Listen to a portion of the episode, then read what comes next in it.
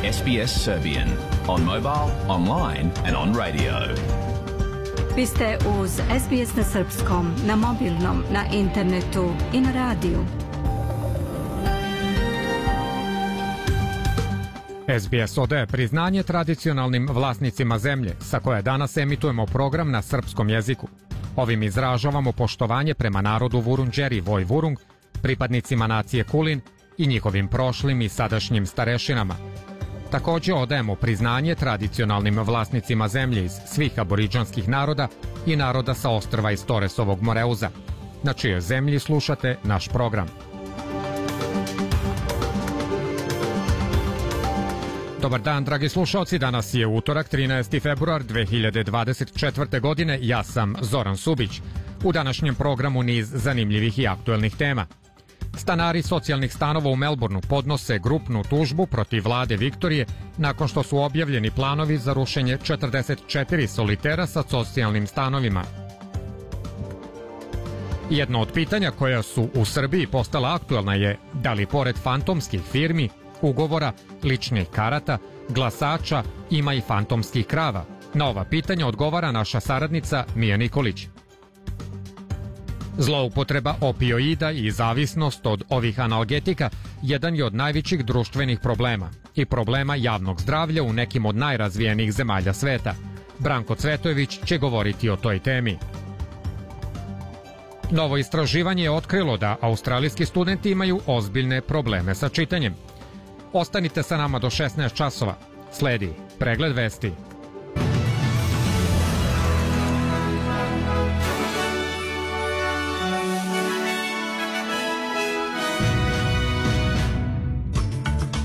Premijer Antoni Albanezi je optužio partiju zelenih da stoje na putu smernice koja bi pomogla ljudima da kupe prvu nekretninu.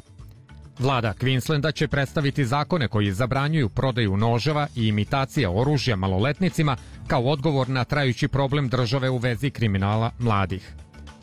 Predsednik Agencije Ujedinjenih nacija za palestinske izbeglice kaže da je vitalno da Evropska unija obnovi finansiranje u roku od nekoliko nedelja dok se Izrael sprema za mogući napad na Rafu.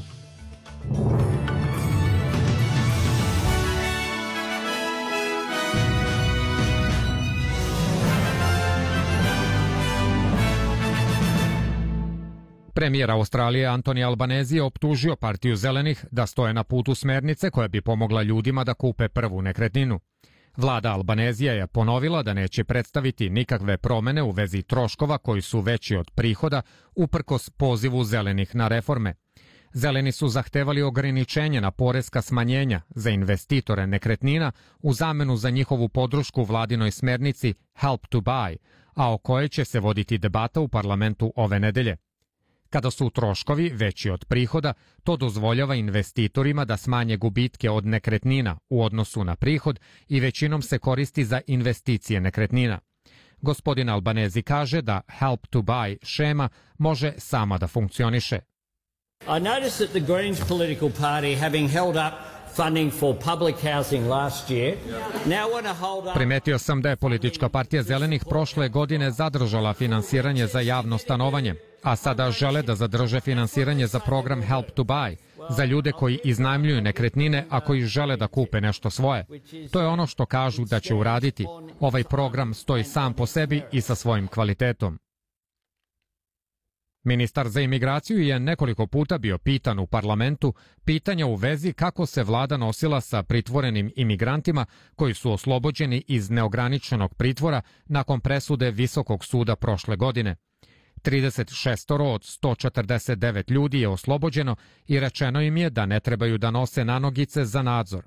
I dokumenti su pokazali da je više od polovine njih osuđeno za napade i nasilna krivična dela, uključujući kidnapovanje i naoružanu pljačku.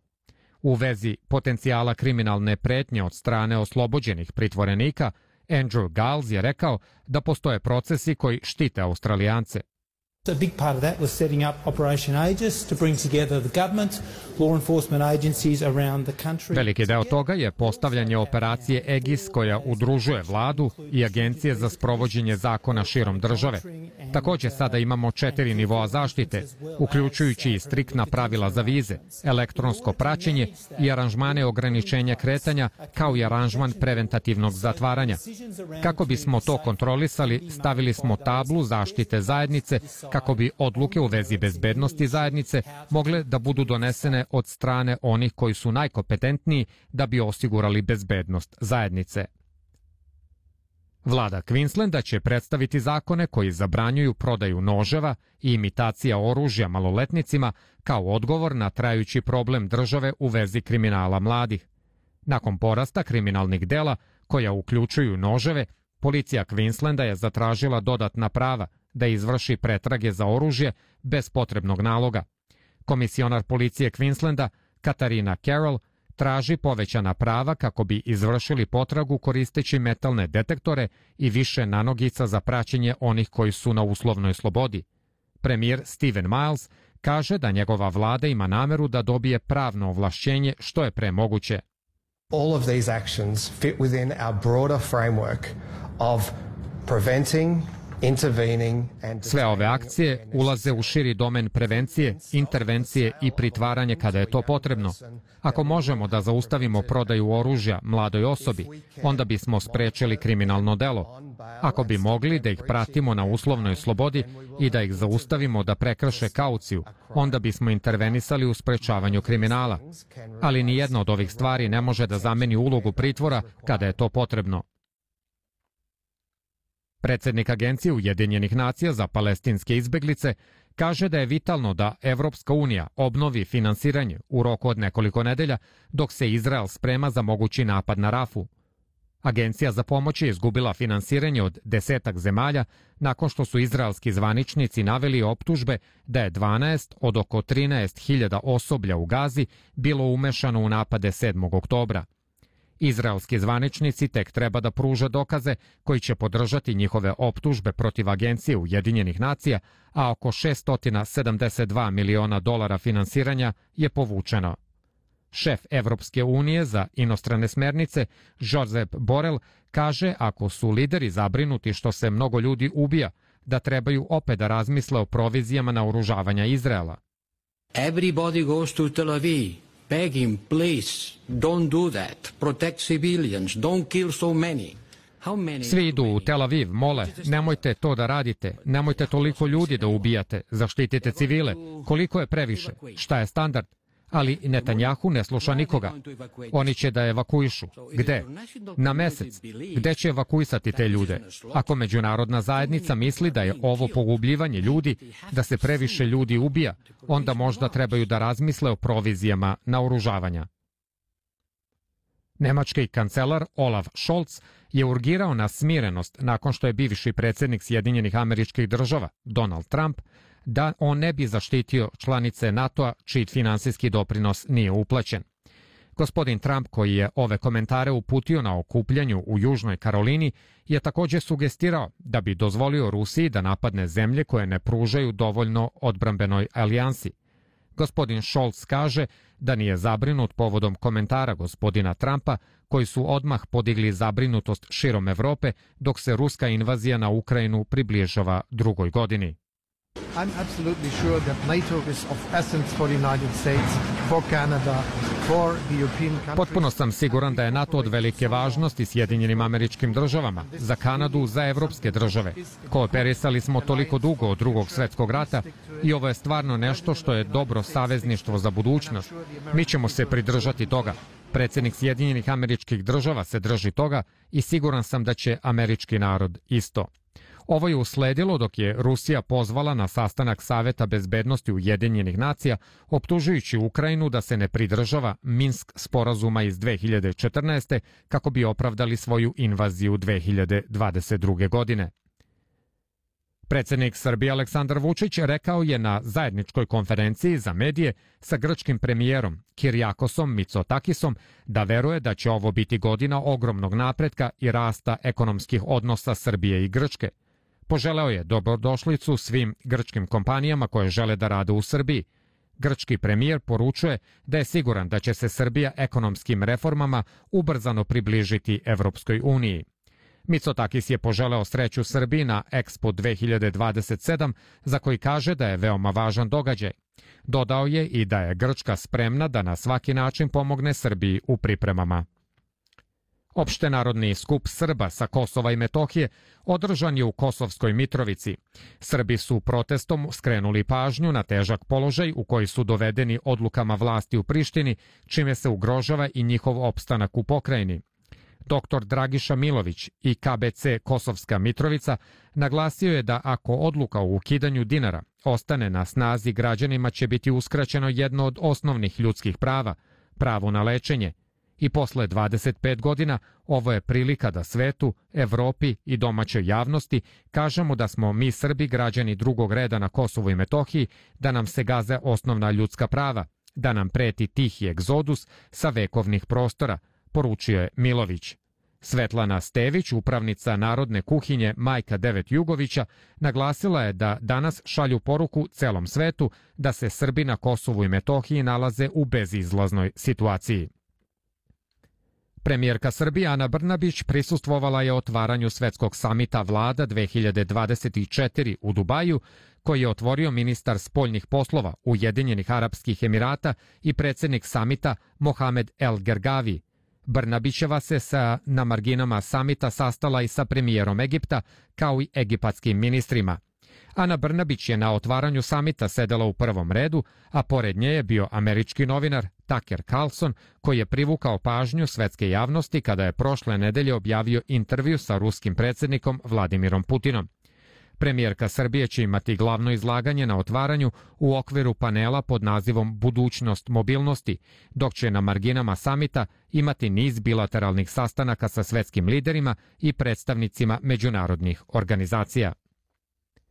Kako smo saznali od ambasadora Srbije u Kamberi gospodina Radeta Stefanovića, povodom Dana državnosti Republike Srbije 15. februara biće izvršeno svečano podizanje zastave Republike Srbije u Melbourneu, u predgrađu Dandenog na trgu Harmony Square sa početkom u 13 časova. Ovim događajem će biti obeležen 15. februar, sretenje Dan državnosti Republike Srbije. Ovu manifestaciju organizujemo uz podršku Lane Formoso, gradonačelnice Dandenoga, a planirano je njeno i moje obraćanje prilikom skupa. Nakon toga će biti organizovano i posluženje. Svi su dobrodošli na ovaj događaj otvorenog tipa, naveo je ambasador. Takođe za 27. februar je planiran svečani prijem u Kamberi.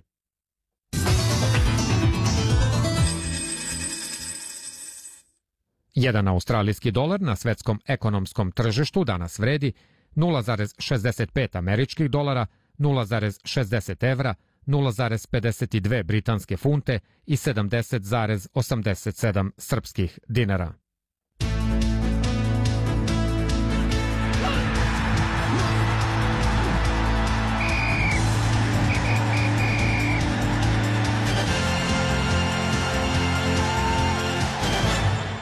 Centar vaterpolo selekcije Srbije Nemanja Vico kaže da su glavni aduti Hrvatske u predstojećem meču četvrtfinala svetskog prvenstva u Dohi odlični centri i da će srpski tim morati da ih neutrališe.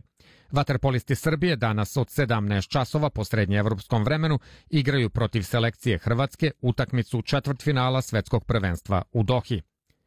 Nekadašnji igrač i košarkaški trener Dejan Milojević, koji je preminuo 17. januara u Salt Lake City-u, sahranjen je na novom bežanijskom groblju u Beogradu, u prisustvu porodice, prijatelja i brojnih kolega iz sveta košarke i sporta. Nakon što su mu se pridružile i košarkašice, tim Srbije trenutno ima 79 sportista koji će učestvovati na olimpijadi u Parizu. Futbalska reprezentacija Brazila do 23 godine nije uspela da se plasira na olimpijske igre u Parizu, pošto je poražena od selekcije Argentine rezultatom 1 prema 0 u meču poslednjeg trećeg kola južnoameričkih kvalifikacija. Najbolji teniser sveta Novak Đoković juče je zapučeo 412. nedelju na vrhu ATP liste, čime je nastavio da uvećava sobstveni rekord – Đoković trenutno ima 9855 bodova, 600 više u odnosu na drugoplasiranog španca Carlosa Alcaraza.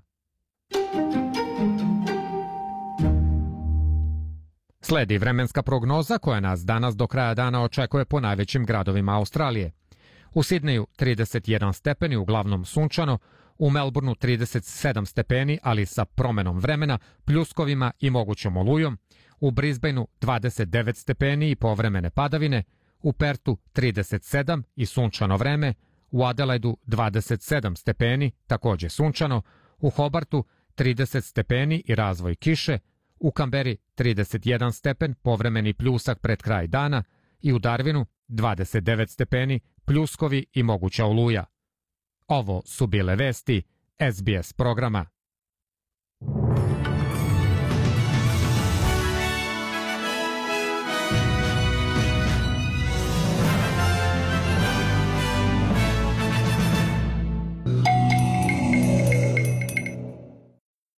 Vi slušate SBS program na srpskom jeziku. Ostanite sa nama. Tačno je 15 časova i 17 minuta. Ja sam Zoran Subić. Nastavljamo aktualnom temom.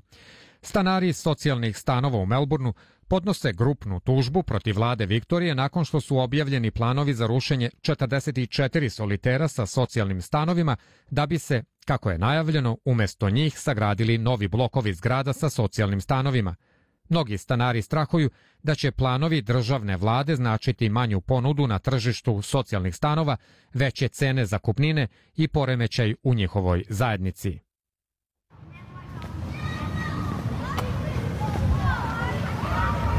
Svima koji su ikada živeli u predgrađima Melburna vrlo dobro su poznati soliteri sa socijalnim stanovima izgrađeni još 1960-ih. U septembru prošle godine stanari su dobili obaveštenje da će biti srušena 44 solitera širom melburnskih predgrađa kako biste umjesto njih izgradili novi kompleksi socijalnih stanova. Međutim, sad su neki stanari odlučili da podnesu grupnu tužbu protiv vlade zbog, kako kažu, kršenja ljudskih prava. Luisa Bassini, advokatica koja zastupa tužbu.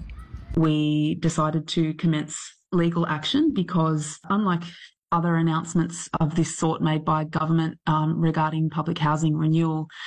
Odlučili smo da pokrenemo pravni postupak jer za razliku od drugih najava ove vrste od strane vlade u vezi sa obnovom javnih stanova, kada se obično objasni zašto do promjena treba da dođe, uključujući detaljno razmatranje slučajeva ljudi čija prava će biti pogođena, u ovom slučaju to nismo videli. Nismo videli ni jednu procenu onoga što zovemo procenom pravi pravilnika, a što je dokument koji pokazuje kako su ljudska prava po povelju ljudskim pravima i zakonu o pravima i odgovornostima propisno razmotrena, niti smo zaista videli javno objavljene razloge zašto postoje strukturalni problemi, na primjer kad su u pitanju soliteri koji su stavljeni na spisak za obavezno rušenje.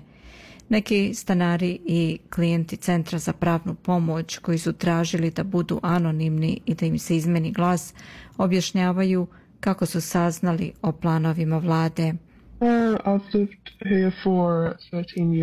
Živim ovdje 13 godina, pre toga pamtim hraniteljske porodice i svratišta. Saznanje o rušenju je došlo posle čitanja letka koji je ubačen ispod vrata stana u septembru.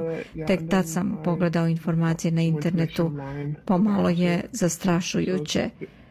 Objava je samo dodala tenzije u zajednici čiji pripadnici su i onako nesigurni u sebe ali ovo nije prvi put da se viktorijanska vlada suočila sa ispitivanjem zbog svog tretmana stanara socijalnih stanova. Tokom zaključavanja zbog COVID-19 u Viktoriji stroga i iznenadna blokada solitera rezultirala je situacijom da na hiljade stanara socijalnih stanova bude bukvalno zarobljeno u svojim stanovima bez pristupa hrani ili lekovima. Viktorijanski ombudsman je kasnije utvrdio da vladine odluke i tretman stanara ne samo da su u suprotnosti sa zakonom, već su i u suprotnosti sa ljudskim pravima. Vlada u svom objašnjenju na internetu tvrdi da su sadašnji soliteri za socijalno stanovanje zapušteni i zastareli u odnosu na trenutne standarde. Sa druge strane, nepoverenje koje su neki stanari već osjećali prema vlastima dodatno je pogoršano. S obzirom na to kako se sve desilo tokom covid opšte shvatanje je bilo da će dopustiti da zgrade propadaju kako bi imali ovaj izgovor. Plus toga, način na koji su nas tretirali tokom covid i sad ovaj plan za rušenje, uvijek mi je to bilo u glavi da to rade namerno, da su dopustili da sve propada da bi dobili ovakvu šansu. Ipak, nismo mislili da će se to tako brzo desiti. Trenutno Viktorija ima najmanji udeo u Fondu socijalnih stanova od bilo koje države u Australiji. Izveštaj koji je u januaru objavila Komisija za produktivnost pokazuje da je samo 2,8% stanova u Viktoriji namenjeno socijalnom stanovanju.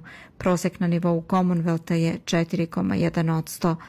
Najava vlade Viktorije da će srušiti javne stambene solitere uz obećanje da će proširiti socijalni stambeni fond i ponovo izgraditi blokove za socijalno stanovanje izaziva zabrinutost pošto nije dostupno više detalja o planovima. Socijalno stanovanje je krovni pojam za dva programa – Public Housing i Community Housing. Izvršna direktorka Udruženja stanara u socijalnim stanovima, odnosno Victorian Public Tenants Association, Kathleen Butters, objašnjava pojam public housing. Public housing is the traditional model of Public housing je tradicionalni model dodele socijalnih stanova koji je poznat u Australiji dugo. To su domovi koji su većinom u nečijem vlasništvu, ali kojima upravlja direktor za javno stanovanje. Kirije za ove stanove su ograničene na 25% zarade, a dodeljuju se po principu hitnosti.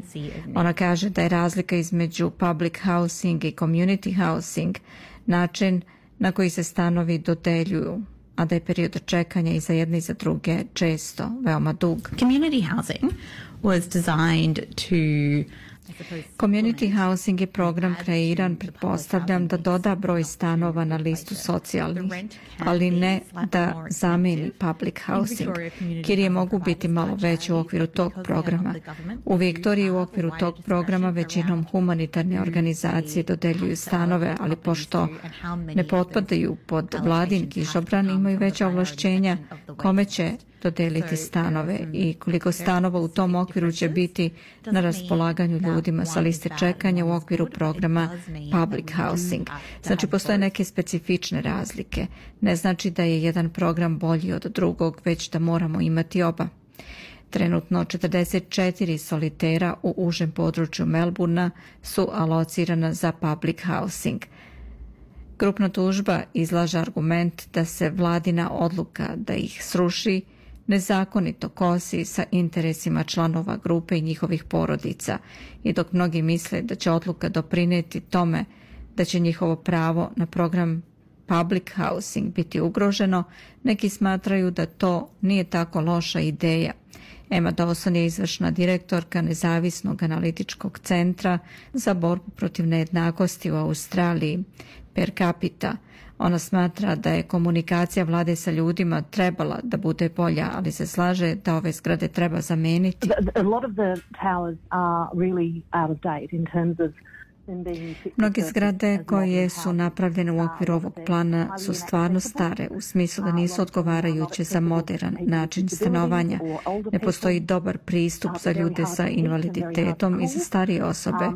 Teško se zagrevaju, teško se rashlađuju.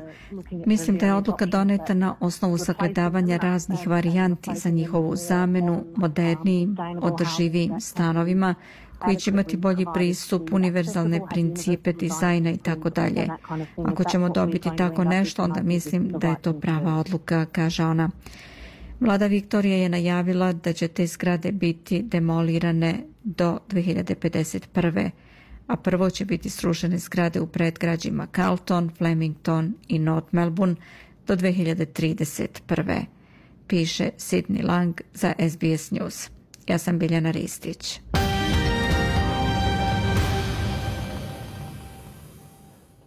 Vi slušate SBS na srpskom jeziku. Ostanite sa nama, ja sam Zoran Subić. Tačno je 15 časova i 26 minuta. Jedno od pitanja koja su u Srbiji postala aktuelna je da li pored fantomskih firmi, ugovora, ličnih karata, glasača ima i fantomskih krava. Republički zavod za statistiku objavio je da u Srbiji ima 725.000 goveda, ali još nije saopštio strukturu popisanih grla.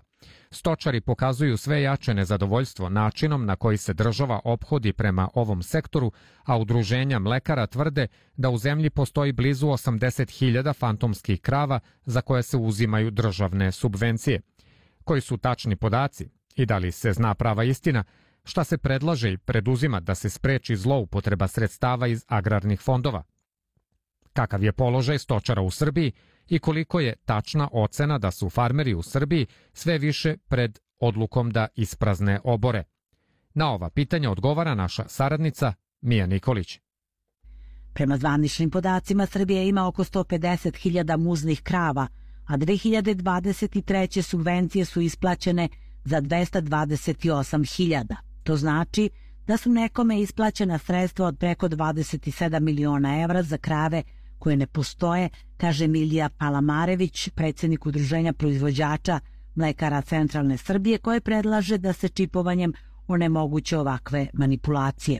Palemarević ukazuje da je prema zvaničnim podacima Srbija lani na ime premija za mleko isplatila 804 miliona dinara, to je preko 6,5 miliona evra, i dodao da se i taj podatak, ukršten sa podacima o broju krava, uklapa u njihovu procenu o broju fantomskih krava. Objašnjava da je prosečna mlečnost po grlu u Srbiji 5000 litara godišnje, te da i na osnovu tih podataka proizilazi da u našoj zemlji ima oko 150.000 muznih krava. Ističe da novac koji ostane nakon što država očisti spiskove od fantomskih krava treba preusmeriti proizvođačima koji se bave mlekarstvom kroz povećanje subvencija sa 40 na 55 dinara, a da bi ostatak trebalo iskoristiti za pokrivanje troškova čipovanja. A povećanje subvencija za 150.000 krava iznosilo bi oko 2,22 milijarde dinara, a ostatak od gotovo milijardu dinara bio bi dovoljan da se sprovede čipovanje o trošku države, navodi Palamarević. Druge strane, izbor koji je želeo da ostane anoniman, rekao je za Fonet, da postoje mnogo važniji problemi u stočarstvu i poljoprivredi, uopšte od polemika koje se povremeno vode između pojedinih interesnih grupa i države uključujući najnovije informacije o fantomskim kravama. Vrlo je verovatno da su te fiktivne krave matematička greška koju su napravila udruženja koristeći upoređujući podatke sa različitih državnih sajtova koji su i sami međusobno posvađani pa se tako došlo do pogrešnih zaključaka o velikom broju nepostojećih grla istakao je taj fonetov izvor. Kao mnogo značajniji problem koji zahteva neodložno sistemsko rešenje, iznao je tvrdnju da je broj goveda u Srbiji za 11 godina, to jest između dva popisa, sa 908.000 pao na 725.000, što je smanjenje za celih 183.000, a što pokazuje da je stočarstvo u ozbiljnoj krizi. Podsjetio je na podatak RZS o popisanih 725.000 goveda, ali bez urađene strukture popisanih krla i naveo da na osnovu iskustva sa ranijih popisa polovinu evidentiranih grla stoke čine mlečne krave i steone junice, a što baca novo svetlo na podatke kojima raspolažu udruženja proizvođača mleka i na iz njih izvedene zaključke rekao je za Fonet ovaj anonimni poljoprivredni stručnjak. Portal direktno.rs međutim piše da je situacija mnogo gora nego što tvrde udruženja proizvođača mlekara. Prošle godine su, kako saznajemo, podnete lažne prijeve za čak pola miliona hektara površina koje se ne obrađuju. Drugim rečima i brojevima ispostavilo se da je čak 20.000 prijava za subvencije lažno, a reći o iznosu od čak 80 miliona evra. Naime, u prijavama su navedene kulture poput kukuruza, pšenice, uljane repice i ostalih, ali na snimcima se vidi da je na navedenim parcelama gusta šuma. Stanje u kom se trenutno nalazi srpska poljoprivreda je ove godine veoma loše, uz izazove poput borbe sa vremenskim nepogodama i nepovoljnim otkupnim cenama. Ostaje da se vidi da li će se i na koji način sankcionisati ljudi koji su slali lažne prijave ili će kao u slučajevima fantomskih preduzeća i fantomskih ugovora kojima se izvlači novac javnih preduzeća biti nikom ništa, piše direktno.rs. A stručnjaci i farmeri godinama upozoravaju na teško stanje u srpskom stočarstvu. Upalilo se crveno svetlo koje upozorava da je stočarstvo u Srbiji u dubokoj krizi. Stočni fond je za poslednjih 30 godina prepolovljen, zabrinjava što se smanjuje i rasplodno stado, a broj goveda, svinja, ovaca, koze i živine opada i u ciframa i u kvalitetu, kažu na Poljoprivrednom fakultetu u Novom Sadu. Posle tri promašene strategije koje nisu dale ni jedan rezultat u podizanju konkurentnosti poljoprivredne proizvodnje i farmera, posebno instant rešenja teško da sada mogu pomoći. Konkretno, davanje subvencije i podizanje novca u ovoj godini ne bi mogli da povrate stočarstvo na zelenu granu, kažu na ovom fakultetu. Kao razloge za smanjenje stočnog fonda navode mnoge faktore. Od sankcija uvedenih 92. godine preko pada cena žive vage i izvoza, poskupljenja hrane u poslednjih par godina do povećanog uvoza smrznutog mesa i žive stoke. Trušak za poljoprivredu i bivši ministar Milan Prostran kaže da je neophodno preduzeti niz mera koje bi zaustavile gašenje stočarstva od dupliranja agrarnog budžeta sa 6% u 24. na 10% povećanja subvencija, zaštite domaće proizvodnje, zaustavljanja uvoza mesa. Prostran je, komentarišući objavljene podatke iz popisa poljoprivrede, izjavio da se podaci statistike o koji se publikuju dobijaju na osnovu procene, a mnoge činjenice ukazuju da je stanje zapravo loše od prikazanog. U Evropskoj uniji stočarstvo je nosilac poljoprivredne proizvodnje i u njoj učestvuje sa nešto više od 72%, a u Srbiji sa oko 25 procenata, rekao je prostran i dodao da mnogi poljoprivrednici u našoj zemlji napuštaju taj sektor, a da se gazdinstva smanjuju. I dok najveću muku muče mali stočari, velikim farmama sa nekoliko stotina krava ide znatno bolje. Za svako grlo država daje 25.000 dinara, postoje i subvencije za kupovinu najsavremenije opreme za mužu krava. No pad u broju stoke godišnje iznosi oko 3%, a stručnjaci poručuju da su neophodna veća ulaganja, ali je pre svega potrebno da se država opredeli da li je poljoprivreda zaista strateška privredna grana. Studija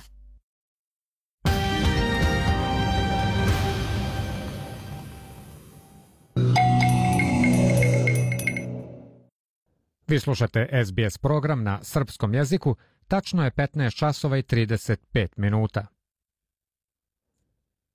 Zloupotreba opioida i zavisnost od ovih analgetika jedan je od najvećih društvenih problema i problema javnog zdravlja u nekim od najrazvijenijih zemalja sveta. U Sjedinjenim američkim državama zavisnost od opioida jedan je od najčešćih uzroka smrti, a prednaće fenanil i njegove varijacije, koji stvaraju najveću krizu izazvanu lekovima u istoriji Amerike. U poslednje vreme i kod nas je zabeležena pojava ilegalnih opioida na crnom tržištu. Tim povodom Zdravstveni stručnjaci upozoravaju da Australija trenutno nije dovoljno pripremljena za mogućnost epidemije fentanila poput one koja se dešava u Americi. Šta su opioidi i zašto mogu da budu smrtonosni, čućemo u narednom prilogu. Mary Lynn Cochrane je sestra iz reda dobrih samarićanki iz Sidneja. Njoj su opioidi prvi put prepisani za bolove uzrokovane artritisom još dok je bila u ranim 30. godinama. Skoro tri naredne decenije uzimala ih je svakodnevno i evo kako ona danas vidi svoje iskustvo s ovim lekovima protiv bolova. My experience for me the first time using opioids Kada sam prvi put koristila opioide, bilo je to apsolutno olakšanje za mene jer je nestao bol koji sam osjećala u to vreme, ali kako je vreme odmicalo, shvatila sam da stalno moram da ih uzimam više kako bih se osjećala bolje. Neželjeni efekti su vremenom postali pomalo problematični, dolazila sam u faze kada nisam mogla da vozim automobil, postajala sam letargična i nisam želela ništa da radim, bilo je kao da sam na nekom oblaku, kaže Mary Lynn. Profesor farmakologije na Univerzitetu Macquarie, Mark Connor, objašnjava šta su zapravo opioidi. An opioid is a drug that activates To su lekovi koji aktiviraju opioidne receptore i koji prvobitno potiču iz biljke maka, kaže Conor, i dodaje da su iz ove grupe lekova neki ljudi recimo upoznati s morfijumom. Pored toga postoji mnogo drugih sintetičkih molekula koji postižu efekat isti kao i morfijum. Obično opioidi se koriste za ublažavanje bolova nakon akutne traume, dakle ako slomite nogu ili imate ozbiljnu operaciju, a mogu se koristiti i za lečenje nekih vrsta hroničnog bola, posebno bolova izazvanih kancerom. Neki od najčešće korišćenih opioida su kodein, fentanil, oksikodon i metadon. Obično se proizvode u formi tableta, ali postoje i tretmani u tečnom obliku. U opioide spada i droga heroin koja se obično ubrizgava intravenski. Kada reč o opioidima, Marilyn Cochrane smatra da oni mogu tek malo ili čak uopšte ne mogu da budu od koristi kod hroničnog bola na duži vremenski period. Za mene je problem bio u tome što sam želela da živim neku vrstu čistog i kvalitetnog života, ali to nisam mogla da uradim s količinom opioida koji sam uzimala u to vreme. Došao je trenutak kada je bol i dalje bio prisutan i kada bih uzimala tablete, a onda je postalo još gore kada sam po lekarskom receptu povećavala dozu opioida. Tada sam shvatila da više ne smem da zavisim od njih, jer posle nekog vremena dođe trenutak kada je bol i dalje prisutan, čak i kada uzimaš opioide, kaže Mary Opioidi se često prepisuju ljudima u Australiji koji trpe jake bolove. Podaci Ministarstva zdravlja pokazuju da je tokom jednog dana 2022. skoro 56.000 ljudi bilo na lečenju zavisnosti od opijata. Također utvrđeno je da je između 2011. i 2022. broj takvih pacijenata porastao za čak 20%. Profesor Conor kaže da opioidi mogu postati štetni po ljude ukoliko se uzimaju duže vreme, bez obzira na to da li i dalje ublažavaju bol ili ne. Um, Dejstvo opioida može da prestane posle određenog vremena stalne upotrebe, pa je tada potrebno da se uzima veća doza, što može da dovede do problema. Posebno su problematični u slučaju dugotrajne upotrebe ili ako se uzima prevelika količina odjednom. Tada mogu da se jave problemi sa akutnim predoziranjem, upozorava Conor, ali u isto vreme kaže i da su opioidi prilično bezbedni kada se prepisuju za bolove posle loma kostiju ili postoperativno, iako se koriste prema uputstvu lekara. Iako mogu da budu opasni, također su korisni za ublažavanje naročito dugotrajnih i iscrpljujućih bolova, kaže on. Podaci pokazuju da su farmaceutski opioidi sada uzrok više smrtnih slučajeva u Australiji nego bilo koja druga kategorija lekova. Iako su dostupni samo u posebnim slučajevima i uz lekarski recept, zbog činjenice da izazivaju zavisnost, dospeli su i na crno tržište. A upravo tu dolazi i do najvećeg problema. Naime, fentanil je 50 puta jači od heroina i jedan je od najopasnijih opioida koji se polako pojavljuju na ilegalnom tržištu i kod nas, kaže Mark Locks, vanredni profesor na Tehnološkom univerzitetu u Queenslandu. Mnogi ljudi se navuku na fentanil jer nisu svesni kontaminacije fentanilom u drugim drogama koje uzimaju, kaže Locks. On dodaje da za to postoje dokazi iz drugih zemalja. Fentanil se pronalazi i u kokainu i metamfetaminima, ali su primarna grupa zavisnika od fentanila ipak korisnici heroina. Pošto je fentanil daleko jeftiniji, mnogi dileri koji prodaju heroin u njega dodaju fentanil kako bi proizveli isti ili čak jači efekat po mnogo nižoj ceni i prodaju ga i dalje kao heroin, naglašava Lox. Sjedinjene američke države se već suočavaju sa epidemijom fentanila. Agencija za borbu protiv droge u ovoj zemlji objavila je da su u 2023. zaplenjene veće količine ove droge nego ikada ranije. Kako je navedeno, za proteklih 12 mjeseci zaplenjeno je 386 miliona smrtonosnih doza fentanila, što je količina dovoljna da ubije sve stanovnike Amerike. Imajući u vidu ovako alarmantne podatke, pitanje je i kakve su moguće implikacije po Australiju. Profesor Lox smatra da do velikog uticaja još nije došlo jer je potražnja za ovim lekom tako velika u Sjedinjenim državama. Lox kaže da se hemikalije koje se koriste za ilegalno pravljenje fentanila uglavnom proizvode u Kini, ali fentanil se pravi u Latinskoj Americi, u Meksiku, u Kolumbiji. Prema postojećim informacijama u Australiju dolazi upravo iz ovog regiona i to preko istih kanala koji služe za snabdevanje kokainom. Ono što fentanil razlikuje od kokaina je daleko veća opasnost u smislu stope smrtnosti. Profesor Lox ovo potkrepljuje podatkom da je u Sjedinjenim državama stopa predoziranja opioidima toliko visoka da godišnje umire više Amerikanaca nego što ih je poginulo tokom celog rata u Vijetnamu. Iz australijske federalne policije kažu da su svesni rizika koji fentanil predstavlja za društvo, ali naglašavaju da je do danas tek mala ilegalna količina ovog opioida otkrivena u zemlji. S druge strane, zdravstveni radnici iznose podatak da je preko 45% nenamernih smrtnih slučajeva izazvanih predoziranjem lekovima u 2021. bilo povezano sa opioidima. Ovo je, kako kažu stručnjaci, više nego dovoljan razlog da se preduzmu koraci kako bi se skrenula pažnja na opasnosti koje prete od zloupotrebe opioida i zavisnosti koju oni stvaraju kod ljudi, piše Kira Hein za SBS News. Vi slušate program na srpskom. Ja sam Branko Cvetojević. Ostanite uz nas. Vi ste uz SBS na srpskom. Vi slušate SBS program na srpskom jeziku. Tačno je 15 časova i 44 minute. Studije su pokazale da socijalna izolacija i usamljenost mogu biti koren uzroka za nekoliko zdravstvenih stanja. I dok su socijalna izolacija i usamljenost slični po prirodi, stručnjaci kažu da postoje značajne razlike. Alex Anifantis iz SBS News je pisao o toj temi. Slušajte SBS na srpskom, na mobilnom, na internetu i na radiju.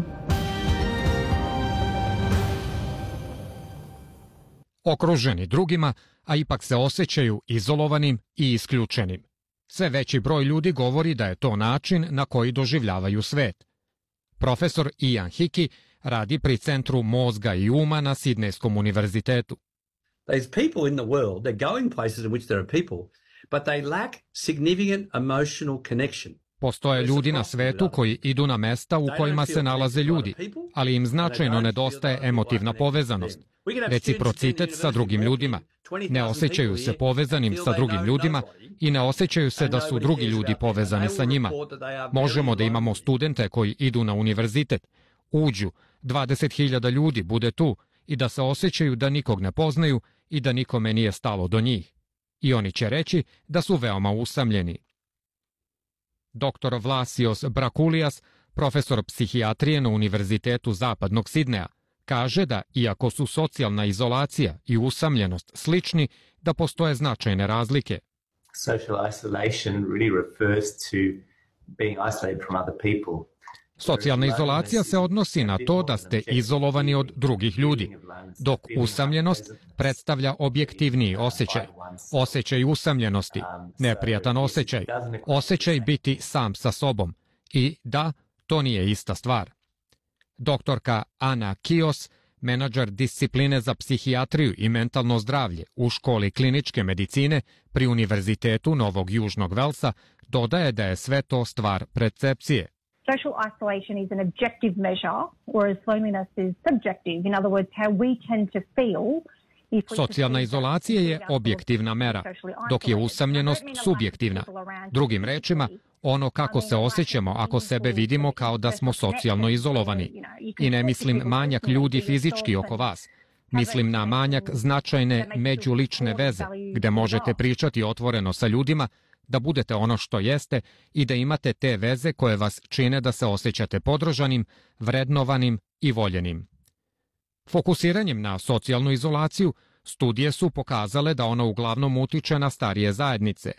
Izveštaj Svetske zdravstvene organizacije je pokazao da 20 do 34 procenata ljudi sa 65 godina starosti i više, a koji žive u zapadnom svetu, tvrde da su se osjećali socijalno izolovanim.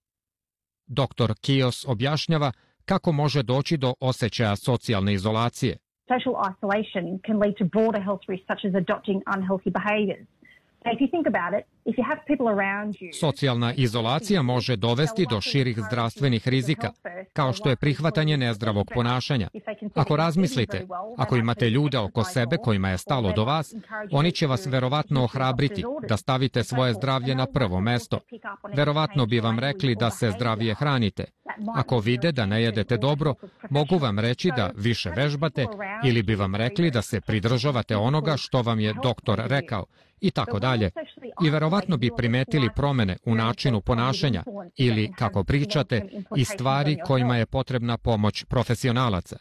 Imati ljude oko sebe je veoma zaštitnički sa stanovišta fizičkog zdravlja, ali kada ste socijalno izolovani, manje je verovatnoća da ćete doživeti te pozitivne uticaje koji mogu imati dugotrajan uticaj na vaše zdravlje. Izveštaj Svetske zdravstvene organizacije indicira da socijalna izolovanost u starijim grupama ljudi može dovesti do većih zdravstvenih rizika. Neke od tih stvari mogu biti depresija, dijabetes, ankcioznost ili demencija. Profesor Hiki objašnjava kako manjak socijalne interakcije utiče na kognitivne procese mozga. So the way the brain works is by developing new connections every day Način na koji mozak funkcioniše je razvijanje novih konekcija svakoga dana i odgovaranje na sredinu. Najsloženije sredine na koje odgovaramo su lica i komunikacija drugih ljudi. Dosta je komplikovano da imate interakciju sa drugima. Pričate, govorite, kao što to sada radimo. Reagujete na njihove pokrete očiju, njihovu gestikulaciju, njihov govor tela. I onda uraditi to sa više od jedne osobe u socijalnim grupama je čak i teže nego jedan na jedan. I vaš mozak razvija nove konekcije u odnosu na to svo vreme. Ako se iz toga povučete, ako ste više izolovani, te sinaptičke veze se smanjuju. Efikasnost vaših kognitivnih procesa zavisi od funkcionisanja tih socijalnih konekcija.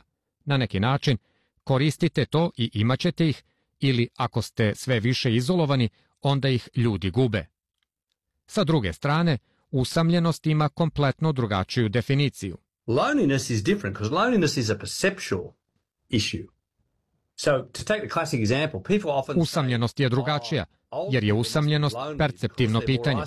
Klasičan primjer je da ljudi često kažu, oh, stariji ljudi mora da su usamljeni jer su izolovani. Ako gledate ispitivanje usamljenosti, stariji ljudi nisu toliko usamljeni, iako se često više izoluju. Najusamljenija grupa su mladi ljudi. Po Australijskom institutu za zdravlje sve veći broj mladih ljudi kaže da se osjećaju sami. Specifično, ispitivanje iz 2021. je pokazalo da se jedna od četiri mlade žene između 19 i 24 godine starosti slaže sa izjavom ja se osjećam veoma usamljeno. Olimpija Nelson ima 27 godina i nalazi se na postdiplomskim studijama. Ona kaže da je doživela takvu vrstu emocija. I remember feeling quite lonely in high school. I had friends, but Sećam se da sam se u srednjoj školi osjećala dosta usamljeno. Imala sam prijatelje, ali sam imala sve te interese, tako da se nisam osjećala kao da mogu da se povežem sa ljudima oko sebe. Na primer, klasična muzika je bila nešto za što sam bila zainteresovana i dalje sam, ali se sećam da sam se osjećala pomalo kao štreber i kao da ne pripadam. Neki kažu i da socijalni mediji imaju negativan uticaj i da doprinose socijalnoj izolaciji i usamljenosti. Olimpija Nelson kaže da osjeća da postoji pokušaj da se ljudi kategorišu na bazi njihovih preferiranih platformi socijalnih medija. it has a way of kind of pigeonholing or like putting putting people into boxes. Um, To je kao da stavljate ljude u određeni šablon i svi ti pokušaj da nekome dodelite identitet. Mislim da na neki način čini težim da se uključite sa drugim ljudima. Dr. Vlasios Brakulijas kaže da ljudi moraju sami da ispitaju svoje percepcije u usamljenosti i socijalnoj izolaciji. From a, a psychological point of view, you could argue that it is all Sa psihološkog stanovišta možete reći da je sve povezano sa time šta mislimo o svetu ili naše saznanje i da bi trebali da menjamo način na koji razmišljamo da bi smanjili osjećaj usamljenosti. Vi slušate SBS program na srpskom jeziku, tačno je 15 časova i 54 minute. Novo istraživanje je otkrilo da australijski studenti imaju ozbiljne probleme sa čitanjem. Izveštaj instituta Gratan stoga poziva škole da prihvate preporuke za koje se kaže da bi mogle da im pomognu po pitanju lošeg nastavničkog učinka. Takođe u tom izveštaju se upozorava da će učenici koji imaju problem sa čitanjem najverovatnije zaostati u učenju sa svojim vršnjacima, a to bi Australiju moglo koštati milijarde dolara na duge staze piše Mahnaz Enguri za SBS News. Decenije neslaganja oko toga kako treba podučavati đake čitanju dovele su do znatnog nazadovanja u australijskim školama, a to je opisano kao tragedija koja se može sprečiti. Izveštaj pod nazivom Reading Guarantee instituta Gratan otkriva da u tipičnoj australijskoj školskoj učionici od 24 učenika, osmoro njih neće biti u stanju da korektno pročita neki tekst. Ko autor izveštaja, Anika Stobart, kaže da učenici koji se nalaze u tako nepovoljnom položaju imaju rezultate znatno lošije od učenika koji su napredniji od njih u tom pogledu, iako čak i mnogi od njih zaostaju u odnosu na standarde. Half of students in regional and rural areas Polovina učenika u regionalnim i ruralnim oblastima ne ispunjava očekivanja u veštini čitanja, a ovo je čak i izraženije među đacima autohtonog porekla. Institut preporučuje vladama i državnim školskim sistemima da se posvete takozvanoj strukturiranoj pismenosti, odnosno mešavini direktnih upustava i fonetike ili izučavanju osobine govornih glasova, umesto onoga što profesorka Tereza Hopfenbeck sa Univerziteta Melbourne opisuje kao sveobuhvatni pristup. The whole language movement, students were able to understand a lot of words by simply being Studenti sveobuhvatnog jezičkog pristupa su bili u stanju da razumeju dosta reči, tako što su im jednostavno čitane priče, ili su ih čitali sami, ali su sami morali dosta toga da shvate. Ali neki učenici i neke grupe učenika za koje znamo zahtevaju malo više pomoći, da im se zapravo pomogne kod dekodiranja i tu ponekad koristimo fonetiku. Ali molimo vas da ne prelazite sa sveobuhvatnog jezičkog pristupa samo na fonetiku. Pokušajte da pronađete pravi balans. Institut takođe poziva na novi ambiciozni cilj da se podigne nivo, odnosno broj onih koji tečno čitaju na 83% u narednoj deceniji, a na 90% u dugoročnom periodu, govoreći u procentima. Institut Gratan procenjuje da će ovaj sadašnji takozvani neuspeh koštati australijsku ekonomiju 40 milijardi dolara tokom života sadašnjih đaka.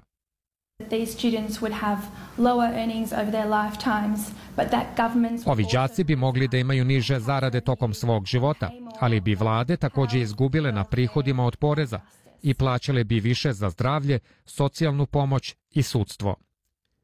Izveštaj je takođe otkrio da nedostatak finansiranja u školama sprečava učenike koji imaju poteškoća sa čitanjem da dobiju podršku koja im je potrebna, što podsiše pozive za veće ulaganja. Ovaj predlog je ponovio i ministar obrazovanja Jason Clare, koji se zalaže za još drastičnije korake. We've got to make sure that our public schools are properly funded. Moramo se pobrinuti da se naše državne škole pravilno finansiraju, ali takođe moramo da se pobrinemo da uloženi novac funkcioniše. Moramo da se pobrinemo da taj novac uložimo u stvari za koje znamo da imaju efekat i koje će pomoći deci koja zaostaju u učenju za svojim vršnjacima. Podučavanje je jedna od tih stvari, rekao je ministar.